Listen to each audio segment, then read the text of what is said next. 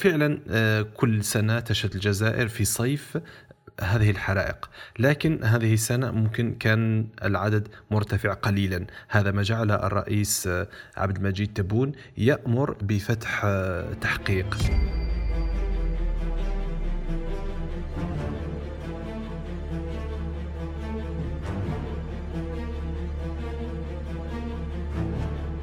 النار تشعل هنا؟ آه باسكو خاطري فاش شعلتوها هنا. ورحتوا. خليتو الجمر وأنا طفيته وعاد بومبي وخليته بلعتو عليهم خليهم يمشيو يدخلوا أنا اللي سونسيني داير لايف خويا. جبت اللي فات الوالي. ما كنتش بغيت ندعرو ما كنتش بغيت نحشمو كاع وهذه الغابة أنا كبرت فيها صاحبي. أنا اسمها هنا بالكايد اللي أنتم تخدموا تخدموا صافي تروحوا باش تعلوا النار خويا خليها ما تقوليش بروجي خويا. أنا كابرين هنا صاحبي تهضرش معايا كيما ما تقوليش بروجي. النار ما تشعلش هنا صاحبي.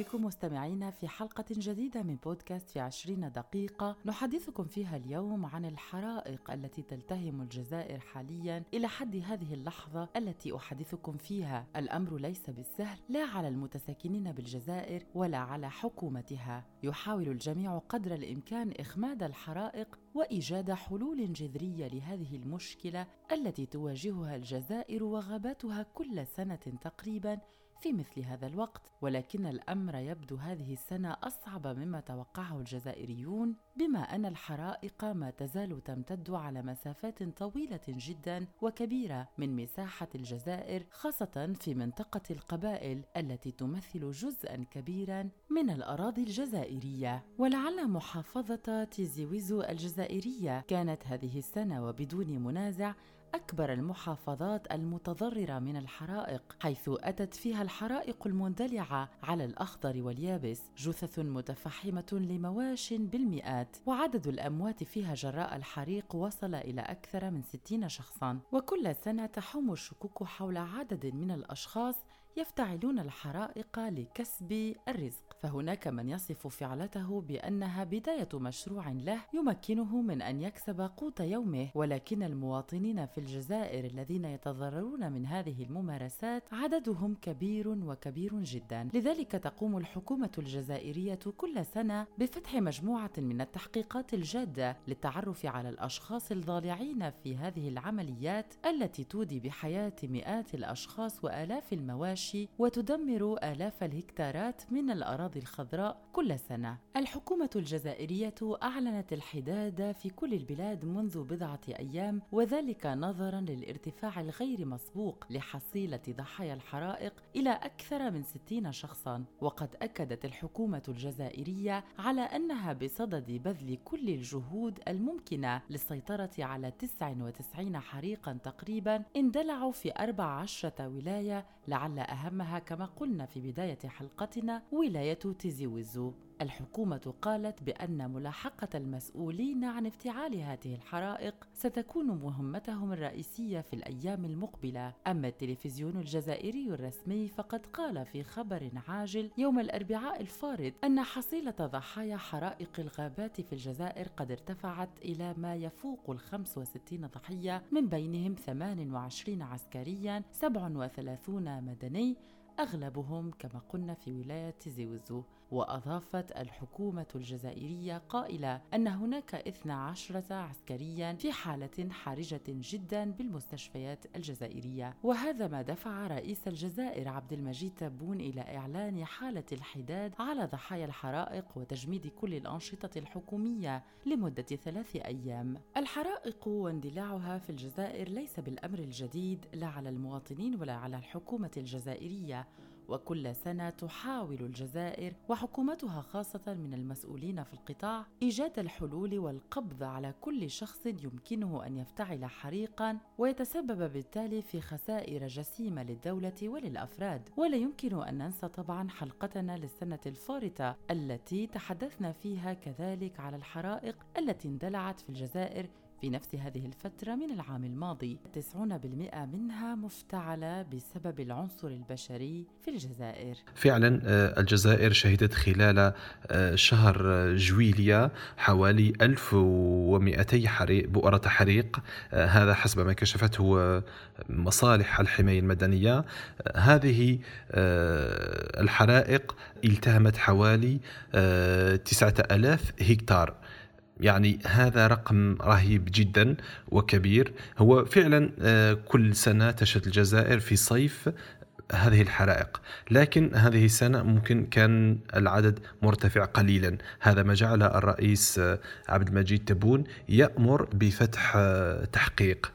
خلال التحقيق آه، كش... الذي كشف عنه الوزير الأول جراد آه، الذي آه، كلف خلية بمتابعة تطورات هذه الحرائق كشف عن إلقاء القبض في ولاية باتنا شرق الجزائر على أشخاص يحرقون الغابات عمدا.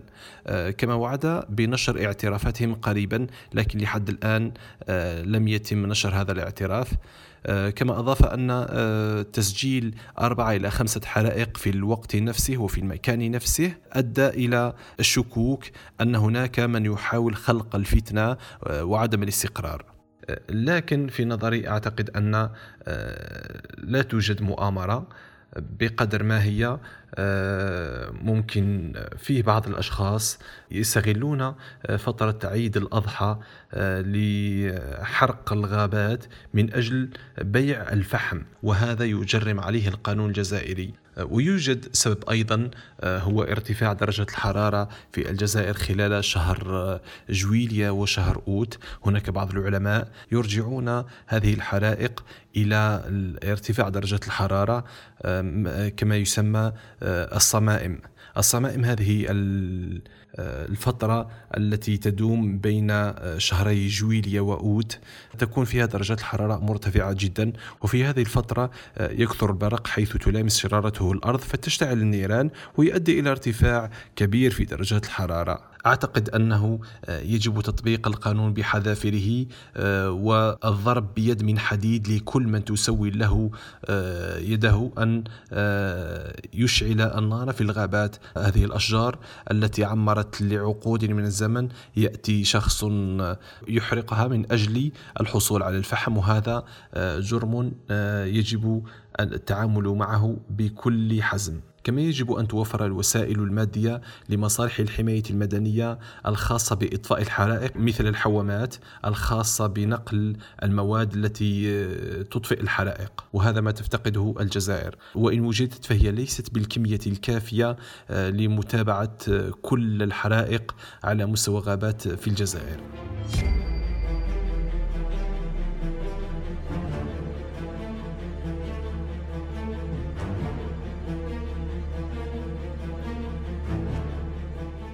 التصريح الذي استمعتم له مستمعين كان لأحد المواطنين الجزائريين قدمه لنا السنة الفارطة لوصف حجم الكارثة من الحرائق التي تسببت فيها أياد جزائرية رغبتها الوحيدة هي الحصول على كميات هامة من الفحم. وما يمكننا أن نؤكده لكم مستمعينا هو أن حرائق السنة الفارطة إن كانت مفتعلة أم نشبت بشكل طبيعي فهي لم تتسبب بوفيات بهذا العدد الذي اتسمت به حرائق هذه السنة. وأما عن الخسائر المادية خاصة على مستوى المواشي والمساحات التي احترقت فحجم الكارثة هذه السنة يمثل أربع مرات ما حصل من خسائر السنة الفارطة. فقد أتت حرائق هذه السنة على 44 ألف هكتار من المساحات الخضراء في الجبال الجزائرية.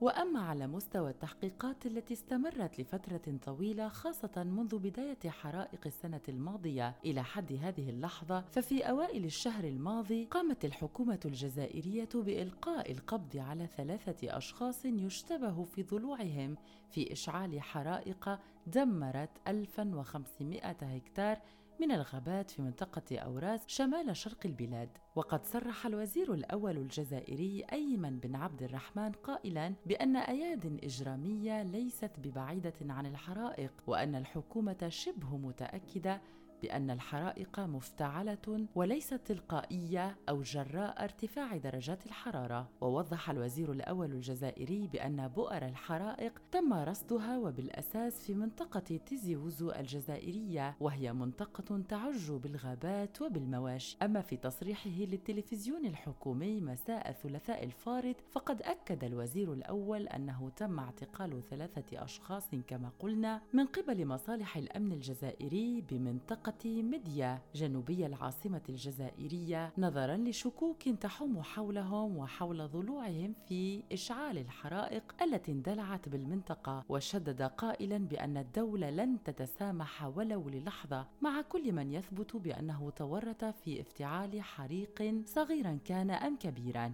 أما لمحاولة إخماد هذه الحرائق ونظرا لعددها الكبير وعدم قدرة الجزائر لوحدها على مجابهتها فقد قال الوزير الأول الجزائري أن الجزائر قد أجرت اتصالات مع شركائها الأوروبيين في الاتحاد الأوروبي وذلك لاستئجار طائرات إطفاء للحرائق. وقال أنه يرغب في إجراء اتفاق في أقرب وقت ممكن مع هذه الأطراف نظرا لأن الفترة التي تمر بها الجزائر حاليا حرجة جدا. ومن ناحيتها كانت إدارة الغابات الجزائرية قد أعلنت على قدرتها وتمكنها من إخماد ثمانين حريقا في ولاية زيوزو فيما تتواصل جهود حثيثة لإخماد 23 حريقا آخرين مع العلم أن نصف خسائر هذه الحرائق التي شملت 14 ولاية تم تسجيله في منطقة تيزيوزو لذلك تعد من أكثر المناطق المنكوبة في الجزائر. ولعل أكثر مشهدا أثار حزن الجزائريين وحزن كل من يتابع حرائقها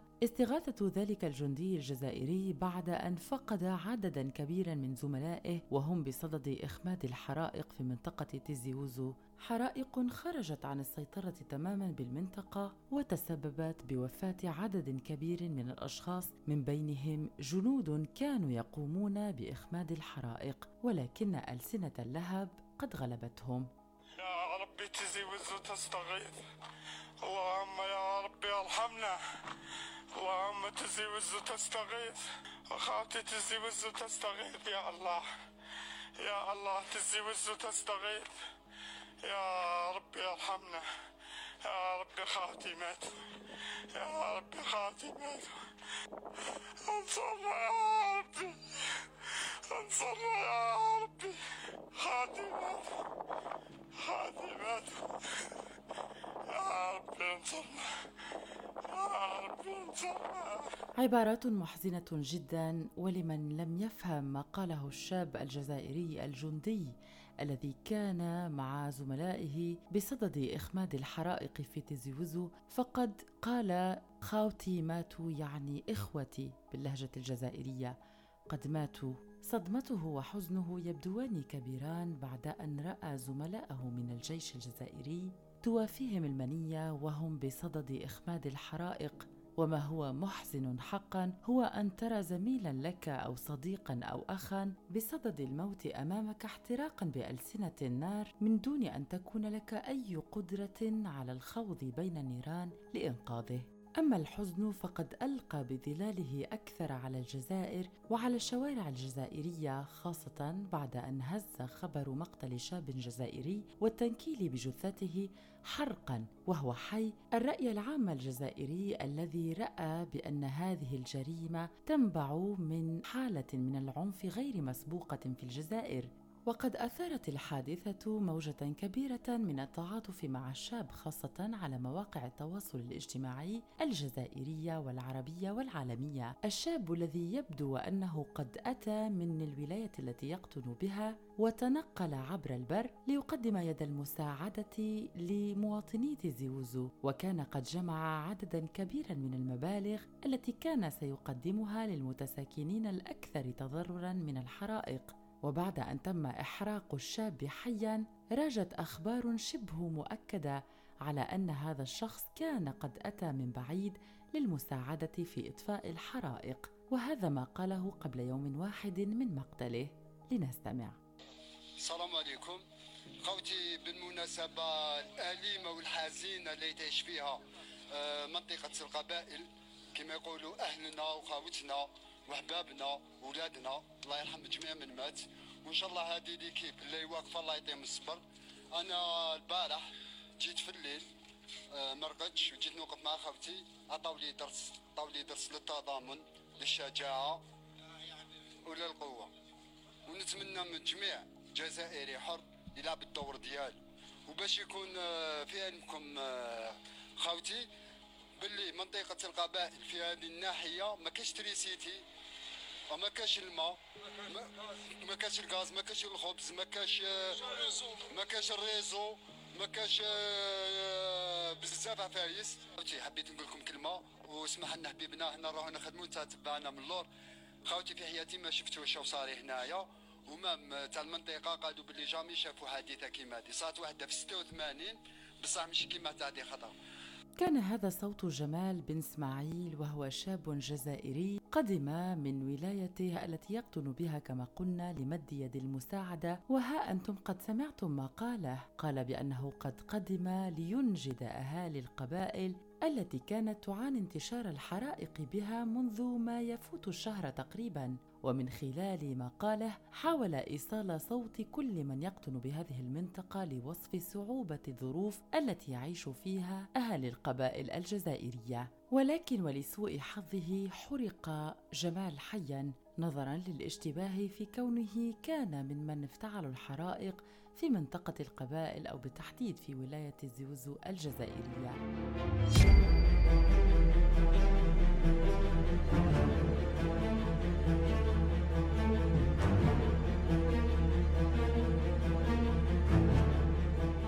خلال الأربع وعشرين ساعة الفارطة أصدرت وحدات الحماية المدنية الجزائرية بلاغا مفصلا كانت قد كشفت فيه على آخر التطورات للحرائق في البلاد. فالقوات المجندة من وحدات الحماية المدنية الجزائرية أكدت بأنها قد قامت بإخماد 43 حريق غابة على مستوى 20 ولاية في الجزائر وقد أشارت إلى أنها أخمدت في ولاية تيزي وزو ما يقارب عن العشر حرائق في بجاية أربع حرائق في جيجل سبع حرائق وفي الطارف خمسة وفي البويرة حريق واحد أما في سوق هراس فقد أطفأت ثلاث حرائق وفي سطيف حريقين في تبسة حريق واحد وفي برج بوعريريج حريقين كذلك. أما في البليدة فقد قامت بإخماد أربعة حرائق وفي عنابة قامت بإخماد حريق واحد. أما عين الدفلة فقد قامت كذلك بإخماد حريق واحد فقط فيها وفي تيسمسيلت قامت بإخماد حريقين اثنين. أما عن الإمكانيات المستخدمة لإخماد هذه الحرائق فقد قالت الحماية المدنية الجزائرية بأنها قد وظفت عددا هاما من الإمكانيات المادية والبشرية تمثل في 7500 عون حماية مدنية و490 شاحنة إخماد حريق بالإضافة إلى ثلاث مروحيات مجهزة من المجموعة الجوية للحماية المدنية وخمس مروحيات مجهزة من الجيش الوطني الشعبي لإخماد كل هذه الحرائق المنتشرة في الجزائر. وأشارت إلى أن مروحيات المجموعة الجوية للحماية المدنية وكذلك للجيش الوطني الشعبي الجزائري قد قامت ب 235 عملية قذف ماء بالإضافة إلى 172 عملية قذف ماء لطائرتين كنادير عبر ولايتي تيزي وزو وبجاية وكذلك ولاية جيجل. ويبدو أن الجزائر ليس البلد الوحيد حاليا الذي يعاني من انتشار واندلاع الحرائق بل نجد جارته تونس كذلك التي يبدو أنها تعاني هي الأخرى من عدد لا بأس به من الحرائق اندلع خلال هذه الفترة. وكانت إحصائيات سابقة قد تحدثت في تونس عن وقوع عشرات الحرائق متباينة في الشدة في الشهر الماضي واندلعت فيها الحرائق في مرتفعات الجبال خاصة وغابات الشمال الغربي للبلاد. البلاد ووسطها مما تسبب في تدمير حظائر إيواء المواشي وحفظ العلف وبيوت النحل ومئات الأشجار. والنيران قد تسللت إلى بعض منازل السكان في الأرياف بمحافظات بزرت وجندوبة والكاف. وقد أدى هذا إلى وقوع انفجارات عديدة بسبب وجود قوارير غاز بالمنازل. مما زاد من حدة وقوة اندلاع النيران وأجبر المواطنين على إخلاء منازلهم من دون أن يعرفوا وجهة قادمة يستقرون بها إلى حين إخماد الحرائق. وعلى عكس شقيقتها الجزائر فإن تونس لم تسجل إلى حد هذه اللحظة وقوع أي ضحايا إن كان ذلك في صفوف الأعوان أم المواطنين. معز بوتريعة وهو الناطق الرسمي باسم الحماية المدنية التونسية قال بأن النيران امتدت على ما يزيد عن 150 هكتار من الغابات وأكد بأنه قد جرى إخماد النيران في تسع حرائق من إجمالي 12 حريقا اندلعت في غابات عين دراهم وحمام بورقيبة وغار الملح وعين سمام والطويرف في ولاية جندوبة. وذلك أقصى الشمال الغربي لتونس بمحاذاة الحدود مع الجزائر. إذا مستمعينا وكخلاصة لحلقتنا لهذا اليوم من بودكاست في عشرين دقيقة فيمكننا الجزم بأن معضلة حرائق الجزائر يبدو أنها في أغلبها مفتعلة. يمكن أن تكون درجة الحرارة المرتفعة هي الذريعة التي يختبئ وراءها المفتعلون كي يخبئوا فعلتهم ولكن السلطات الجزائرية توظف شتى المحاولات لمعرفة من هم بالفعل من افتعلوا هذه الحرائق خاصة وأن الأمر تسبب في مقتل عدد كبير من المواطنين الجزائريين. نشكر لكم متابعتكم لحلقة اليوم من بودكاست في عشرين دقيقة ونرجو لقاءكم في الحلقة القادمة. أنا وهيب عزيزي أحييكم وأتمنى لكم متابعة طيبة لبقية برامجنا. إلى اللقاء.